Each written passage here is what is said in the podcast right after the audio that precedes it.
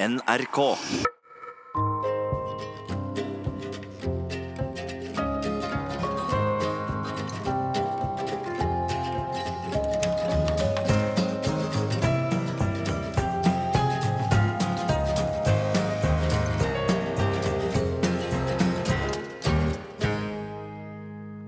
Mitt navn er Anne Bitz, og vanligvis oppsummeres jeg med tre f-er. Forsker, forfatter og feminist. Og nå skal jeg også prøve meg som radiovert. Og det første jeg tenkte da NRK henvendte seg, var yes, dette har jeg ønsket meg så lenge jeg har kjent til konseptet Sommer i P2. For Sommer i P2 er mitt yndlingsprogram. Men så begynte det langsomt å sige inn at dette må jo gå til helvete. For mitt repertoar har liksom aldri spent over dette med å skape feelgood-stemning.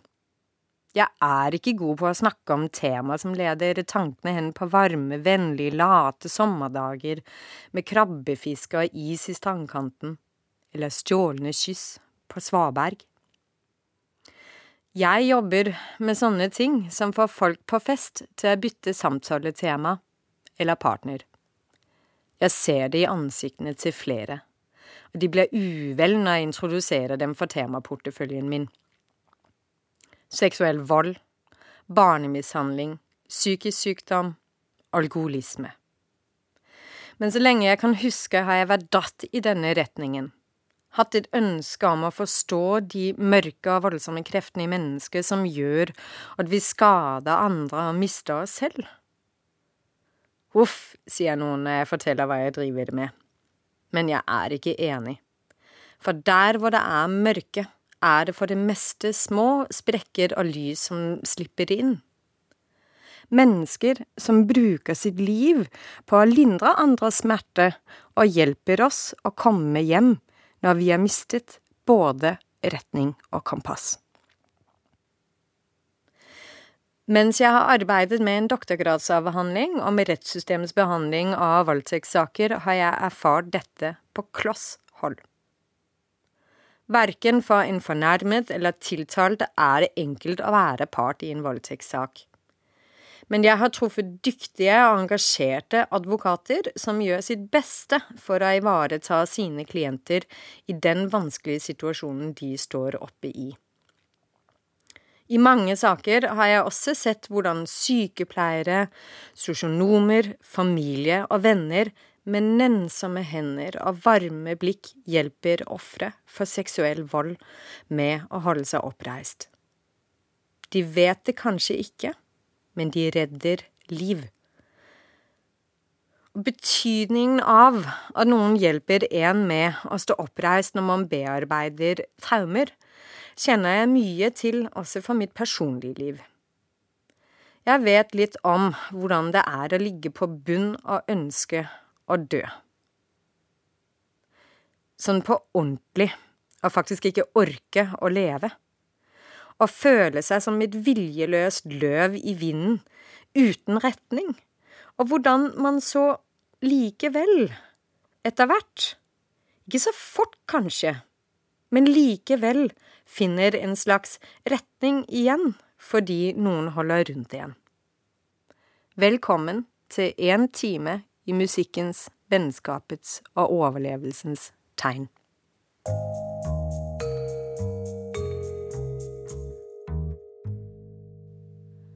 Mamma var min første venn.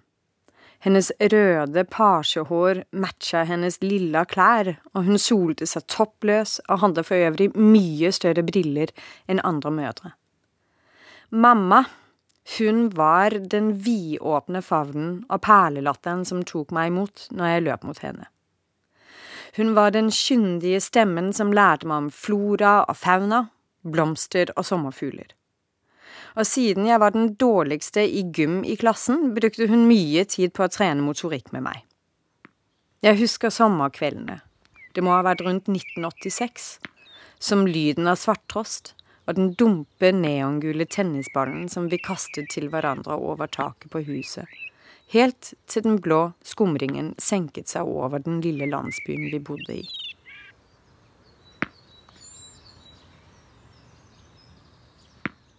Målet var å gjøre meg rustet til gymtimene med ståball etter ferien, og tørre å faktisk gripe ballen, og ikke bare rygge unna når den kom susende. Som enhver god venn var hun helt enkelt på mitt lag. I fjor kom jeg ut med en selvbiografisk dokumentarbok om min oppvekst sammen med henne. Den heter Går du nå? Er du ikke lenger min datter? Og som tittelen antyder, forble ikke mamma min beste venn. Hun led av bipolar lidelse, og i maniske perioder satt hun oppe til alle døgnets tider ved skrivemaskinen og drakk rødvin. På ettermiddagene sov hun rusen ut, og var ikke så lett å få liv i. Og i de depressive periodene var hun trist og motløs og hadde lite overskudd til å leke eller lese lekser med meg. Da måtte jeg være hennes venn og trøste. Når ens mamma langsomt dreper seg selv, kjennes livet av og til som et fengsel. Man er innhylet i tykt, altomsluttende mørke. Men det er sprekker i alt, minner Leonard Cohn oss om i låten Anthem, som vi nettopp hørte. Og det er gjennom disse sprekkene at lyset slipper inn. Og de sprekkene, de interesserer meg. Hva er det som gjør at folk står opp om morgenen og drar fra gardinene, selv om man egentlig ikke orker? Noen er heldige å ha en venn som hjelper en med å komme gjennom dagene. Andre ganger må man bare ta seg sammen og dra den blytunge kroppen ut av senga, samme hvordan utsiktene til bedring måtte være. Men det er jo ikke alltid så lett. Noen ganger klarer man ikke å se hvilke muligheter man har, og man glemmer hvem man har vært, og hvem man vil være. Noen ganger svikter man seg selv, og derfra er veien kort til å svikte andre. Og sånn var det for mamma. Jeg vet at hun hadde ønsket å fortsette å være bestevennen min, men jeg vet også at hun var ensom og skamfull, at hun ikke hadde venner som hun var fortrolig med og følte hun kunne betro seg til om sine problemer. Pappa, som kunne vært hennes beste venn, lot henne i stikken. Jeg har faktisk ikke et eneste minne om at han noen gang trøstet henne når hun var deprimert. Hvor trist er ikke det? Jeg er barn av 80-tallet. Det vil si jeg er født i 1978, men har trådt mine kinasko i pastellrevolusjonens tiår. Og det var på 80-tallet mamma gradvis begynte å glemme hvem hun var og hvor hun skulle. Det var tiåret da rødvinsflasken ble hennes beste venn og tiåret da hun, som tidligere var rødstrømpe, hadde vært opptatt av fri kjærlighet, måtte se sine verdier slått av hverdagens realiteter, av jappenes inntog på den kulturelle arenaen. Hennes datter begynte å mase om å få et rosa jenterom, og hun kapitulerte. Ved hjelp av tekstilfarge av merket Nitor ble rommet mitt forvandlet til et prinsessepalass. Gardiner, putetrekk, sengetøy, filleryer. Alt ble hevet i vaskemaskinen. Og i denne lille rosa boblen satt jeg altså og skrev og leste hesteblader, mens mammas depresjoner og mine foreldres krangler gikk sin gang på utsiden. Ofte meklet jeg mellom dem. Men noen ganger trakk jeg meg unna og søkte en slags normalitet i kaoset. Og som de fleste andre jenter i inngang til tenårene innebar det selvfølgelig avstandsforelskelser. Helst i filmstjerner. I min jentegjeng byttet vi litt på å være forelska i Patrick Swayze og Tom Cruise, som spilte roller som kjekke bartendere og danseinstruktører. Jeg har det litt vanskelig med at Tom er siontolog, så mitt hjerte banker fremdeles mest for Patrick. Om litt skal dere, kjære lyttere, få høre hvorfor. Men først skal jeg ta dere med til sluttscenen i filmen Dirty Dancing, som ble Patrick Swayzes gjennombrudd. Nobody puts baby in a corner.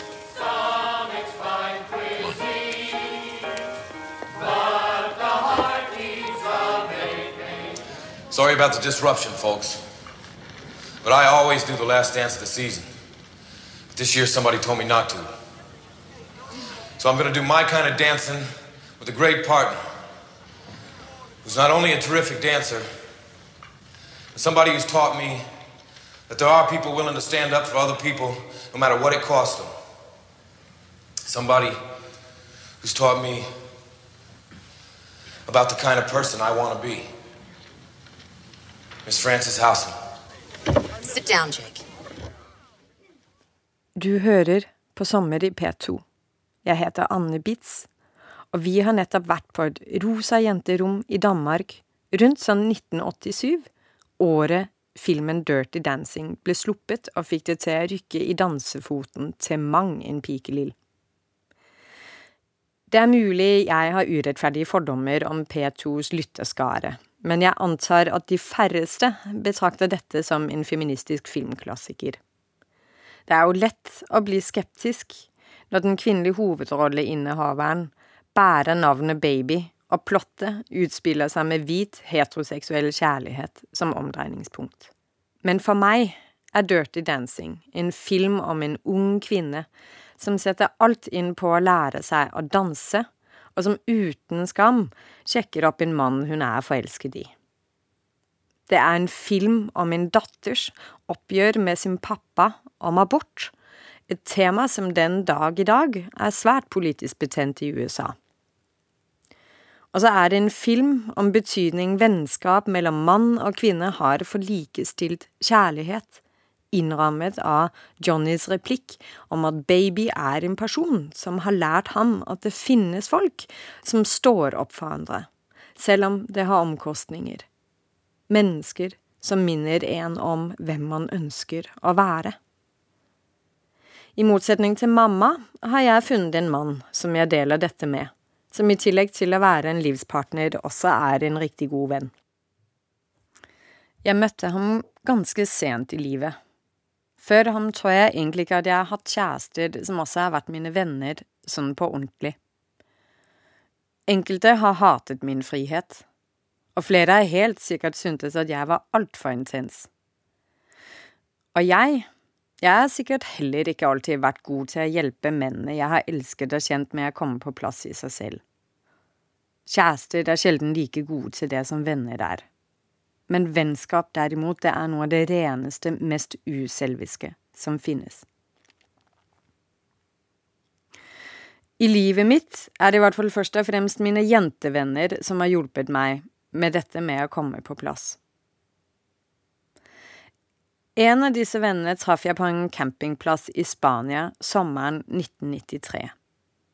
Hennes navn er Lerke, og hennes måte å være på var noe av det mest radikale jeg hadde opplevd i mitt 14-årige liv. Mens Lerke var fordomsfri og vennlig og åpen, var jeg ikke lenger en snill og skoleflink jente. Mammas jente var blitt mørkt til sinns, foreldrene mine hadde vært gjennom et samlivsbrudd to år tidligere. Sommeren etter. En hendelse som kom til å endre alt. Jeg var 13 år, interessert i gutter, men ukysset. Og den sommeren forgrep pappa seg på meg seksuelt ved to anledninger. Og i stedet for å tenke at det var ekkelt at pappa rørte ved meg på den måten, og plutselig ble et menneske jeg ikke visste hvem var. Det skulle han ikke gjort, tenkte jeg. Dette var ekkelt, og det skjedde meg fordi jeg er en ulekker, skitten tøs. Jeg skammet meg alene i mange måneder før en venninne tok grep og fortalte det til mamma. På den tiden var jeg del av en litt hard venninnegjeng det var mye baksnakking og utseendepress. Det var viktig å høre til og være kul nok. Ja, og så var det mye konkurranse om gutters oppmerksomhet blant oss, og når jeg ser tilbake, må jeg dessverre konstatere at jeg ikke alltid var en god venn. En sommer presterte jeg blant annet å rote med min beste venninnes kjæreste. Og selv om jeg ba om unnskyldning både den gangen og faktisk igjen i et brev til denne venninnen for 15 år siden, har jeg ikke riktig tilgitt meg selv for det. Men sånn var det altså. Eller sånn var jeg, altså, på den tiden. For man blir ingen snill person av å være utsatt for overgrep og omsorgssvikt. Faktisk kan man bli både slem og ufølsom hvis det hjelper en å overleve. Og på den tiden var det det eneste som betydde noe å overleve. Uansett hvor kortsiktig det var å dolke andre i ryggen på veien.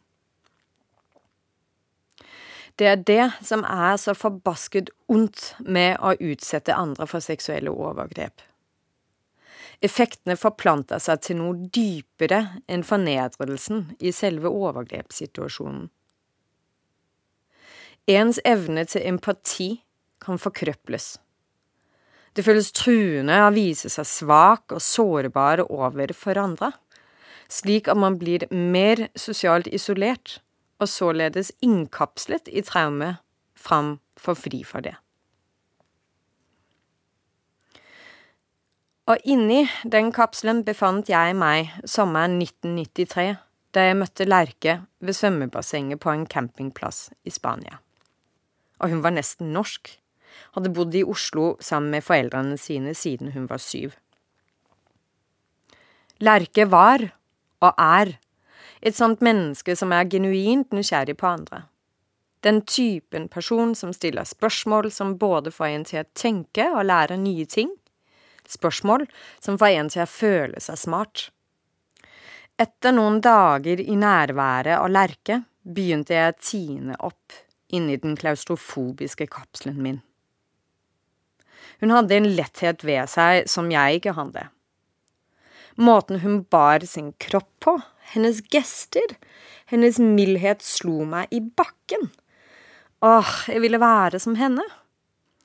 Lerke var nok min første venneforelskelse. Altså ikke en forelskelse av seksuell karakter, men en slik ren og klar og strålende fascinasjon for dette andre mennesket som man bare vil henge med hele tida. Med vennskapet vårt vokste et håp om å leve et liv hver dag som ligner det jeg oppfattet som kjernen av hennes personlighet.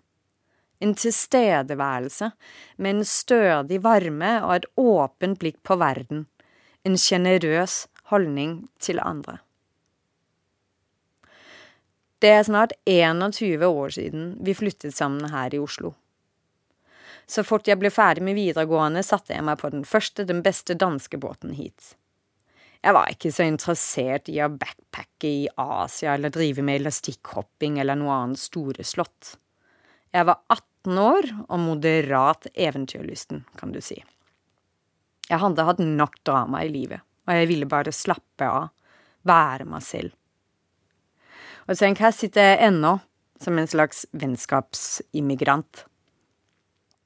Jeg skylder Lerke alt. Den sommeren i Spania, den holdt jeg fast i når alt var mørkt. Minnet var som en krok som forbandt meg med en annen verden, nesten et gudsbevis. Eller i hvert fall et bevis for at det livet jeg hadde med mamma, som var så jævlig, og som jeg ikke ville ha, det var bare ett av flere mulige liv.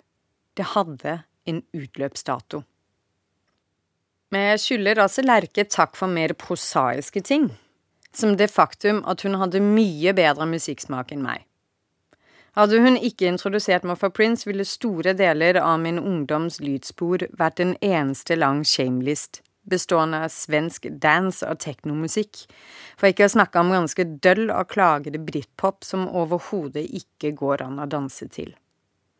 Så vær så god, her kommer en av favorittlåtene mine med den lilla funky prinsen.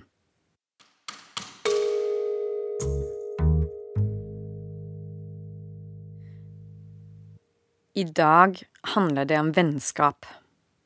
Vennskap generelt, men kanskje kvinnevennskap mer spesielt. For jeg tror det er noe helt særlig med denne typen vennskap, eller det kan være i hvert fall. Og det er ikke det, altså jeg har hatt gode og betydningsfulle guttevenner også. Men det er mine jentevenner som har reddet meg. Alltid. Vært der når det har brent på. Som da mamma døde i 2007, var en av mine beste venninner, Anja, var tilgjengelig på telefonen i timevis, enda hun var på jobbreise i Malawi, og det kostet en formue å snakke sammen. Eller da min gudfar Peter, som på mange måter har vært som min far for meg, døde av kreft tre år senere, og hun og sønnen prompte satte seg i bilen og kjørte fra Oslo til København, så jeg ikke var overlatt til meg selv og min blytunge, bunnløse sorg. Også mine venninner Linda og Anette kom på besøk i disse kritiske dagene. Den siste personen som hadde kjent meg hele livet, var tatt fra meg. Min verden var knust, og de sørget alle tre for at jeg ikke måtte møte dagene alene. Den sommeren erfarte jeg dessuten verdien av å ha venner som kan hjelpe en med å få seg et ligg.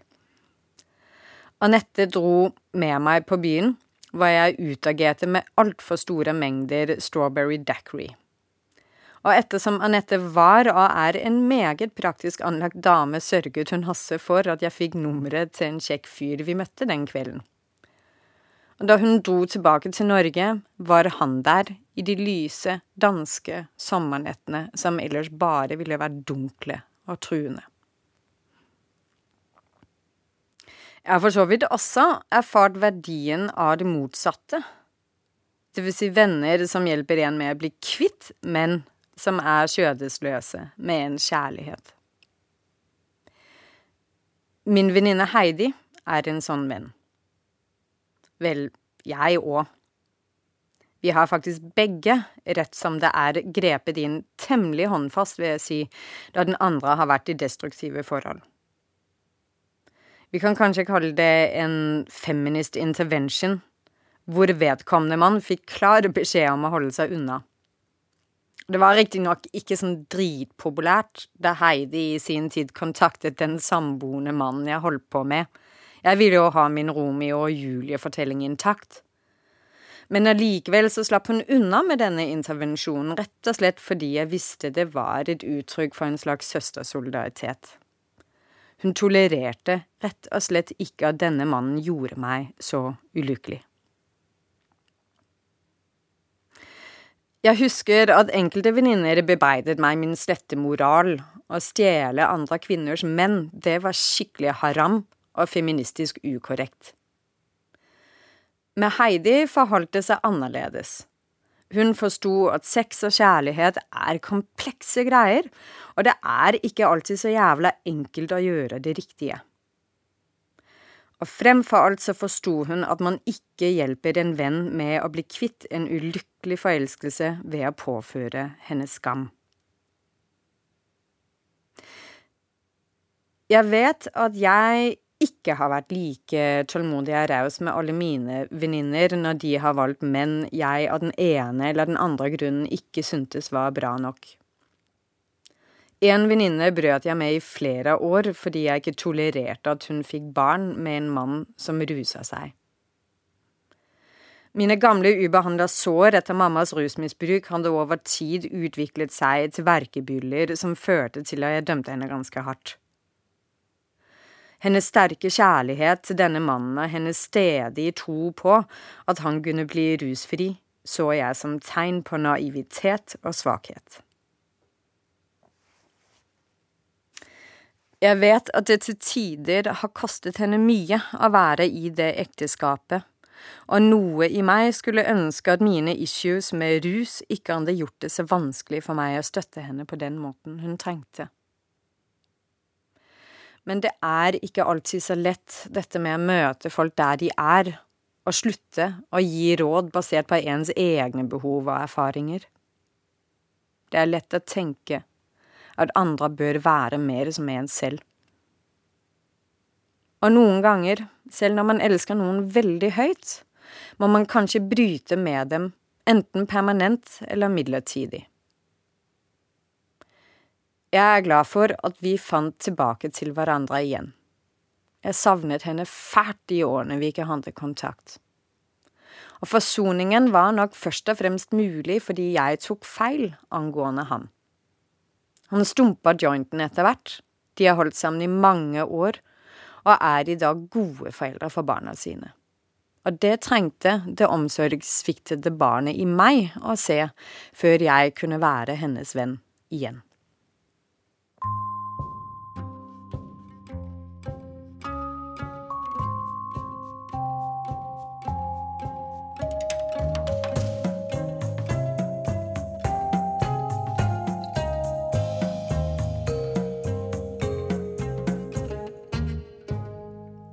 I dag har jeg, Anne Bitz, fått lov å snakke en hel time om verdien av vennskap, særlig når livet er trått og vanskelig, ikke minst når man brenner seg på kjærligheten. Men vennskap mellom kvinner handler jo så klart om mye mer. Det kan være friheten ved å sette seg i en bil med bestevenninnen mens man ler og synger med bilstereoanlegget på høyeste volum kvelder på en hytte med raggsokker, røverhistorier og samtaler om hva det egentlig vil si å være menneske, og hvordan man kan bli fri. Og frihet, det er tricky. For hvordan kan man som jente og kvinne egentlig være seg selv i et samfunn som honorerer oss for å være sexy, men stritter imot når vi hevder oss som seksuelle subjekter? Det har vi diskutert mye, min venninne Heidi og jeg, hvorfor det er så mye skam knyttet til kvinnelig begjær. Hvorfor vi gremmes over oss selv når en mann ikke gjengjelder vår interesse. Altså mange feminister før oss har vi fundert på hva det gjør med oss at store deler av vår selvfølelse er betinget av det mannlige blikket. Enten det blikket speiler vårt eget begjær, eller bare føles kjipt og voldelig og invaderende. I et ideologisk landskap der sex for det meste omtales i media som en kommersiell, retusjert vare, eller som negativt og faretruende, og i et samfunn der jenter og kvinner ikke alltid klarer å spille hverandre gode, da er det viktig med motkrefter. Folk som i sitt praktiske liv står for noe helt annet. Og med sitt fordomsfrie vesen er Heidi og kvinner av hennes kaliber den beste motgiften mot slutshaming og skam. Hun er min liberale øy i et Norge jeg med tiden har lært å bli glad i, men som også er i land jeg som danske alltid har følt meg litt for løs i snippen for. Noen ganger tar jeg meg i å fundere på om hun egentlig er en danske som er fanget i en nordmanns kropp. Og siden både hun og min kæreste og mine venner pleier å si at jeg er mye coolere når jeg snakker dansk enn når jeg snakker norsk, så tar vi det bare resten av programmet herfra på dansk, gør vi ikke? Den nest sidste sang er skrevet av en supertalentfull dansk sangerinde, der heter Annika Aakjær. Den hedder Skulder ved skulder, og er en hyldest til alle de dejlige mennesker, der netop står skulder ved skulder med sine søstre. Disse fyrtårne, som hver dag viser vei i kampen for et samfund hvor kvinner er kvinner best, og hvor ingen er frie før alle er frie. For de av lytterne der lurer på om de har forvillet seg inn på Danmarks Radio, kan jeg berolige jer med at det bare er NRKs danske husfeminist, der for en kort bemærkning har kuppet showet. Jeg hedder Anne Bitz og har i dag forsøgt å sende jer ut i sommeren med noen tanker om betydningen av vennskap. Om hvor viktig det er å stå opp for hinanden, selv om det koster noe. Om kampen for å bli fri når man ligger nede, og hvordan man som venn kan gjøre andre til de beste versjoner av seg selv. Men det har også handlet om venner, der svikter og fucker opp fordi de ikke har styr på seg selv. Hvorfor står vi opp om morgenen, har jeg spurt om. Og jeg vet ikke om jeg har noe godt eller endegyldigt svar for deg. Men jeg vet at der har vært morgener og dage i mitt liv hvor mine venner har hjulpet meg lige præcis med det. Og meget konkret. Været sammen med mig, når mit liv har gået af led i sorg og smerte, og jeg ikke har kunne finde ud af en skid. Hver især har de været der på forskellige måder til forskellige tider. Det har hjulpet mig med at opretholde et minimum af normalitet i en kaotisk nutid. De har repræsenteret et fremtidshåb. Det har givet blankofuldmagt til at flygte lidt, når man hverken har kunnet takle nutiden eller fremtiden, men bare har trængt til at drikke nogle mega store cocktails og ryge to pakker cigaretter en aften i byen. Og så er der dem, der gør det hele på én gang. Venner, der fungerer som sådan nogle ankerfester, der sørger for, at man opretholder en forbindelse til fortiden, men som også giver en tro og håb på, at det nytter at holde ud lidt længere, når man egentlig har lyst til at give op. Venner, der tager en konflikt for en. Og sådan en ven er en af mine ældste veninder, Anne. Vi har kendt hinanden siden gymnasiet, og hun har været der i kritiske situationer. Under en langvarig depression, da jeg var i begyndelsen af 20'erne. Da mor døde. Men måske allervigtigst i alle årene før, hvor jeg kæmpede for min egen selvopretholdelse, mens min mor var ved at udslætte både sig selv og mig. Hun har været vidne til det hele – som dengang jeg skulle flytte hjemmefra, og min mor stod der i vores hus og var rasende og skreg, at jeg ikke længere var hendes datter, hvis jeg gik min vej. Den dag stod Anne lige bag ved mig og passede på, at situationen ikke udartede. Hun havde min ryg. For et par år siden så snakkede vi sammen om den her episode, og hun var meget kontant, da hun sagde følgende – jeg ved godt, at hun er din mor og sådan noget, og du er glad for hende. Men jeg hader hende. Jeg kan simpelthen ikke tilgive hende for, at hun snakkede til dig på den måde. Det er det ondeste, jeg noensinne har hørt noen sige til et annet menneske. Og selvom vi ser litt forskjellig på den sag, så repræsenterer den uttalelse for meg grunnstammen i, hva et godt vennskap består av. at ens vens smerte og ens egen smerte ikke er ens, men at den smerte, andre påfører mennesker, man er glad for, alligevel godt kan gjøre ondt. Anne har lært meg at gode venner tager parti. Men først og fremmest har Anne lært meg at hjem ikke er, hvor du er, men med hvem du er. Vi ses meget sjeldent. Alt for sjældent. Men når vi ses, forsvinder tiden. Sammen med hende er jeg alle mine tidligere og kommende versioner av meg selv. Og når jeg noen ganger tænker på å flytte tilbake til Danmark, så er det fordi, jeg savner hende og hendes blikk på verden. Og hendes humor, der er cirka lige så tør som en Marie-kiks. Men egentlig nok mest, fordi det bare føles som å være hjemme sammen med hende. Dagens siste sang dedikeres til hende og alle venner, som hjelper oss med å komme hjem. Hjem til oss selv.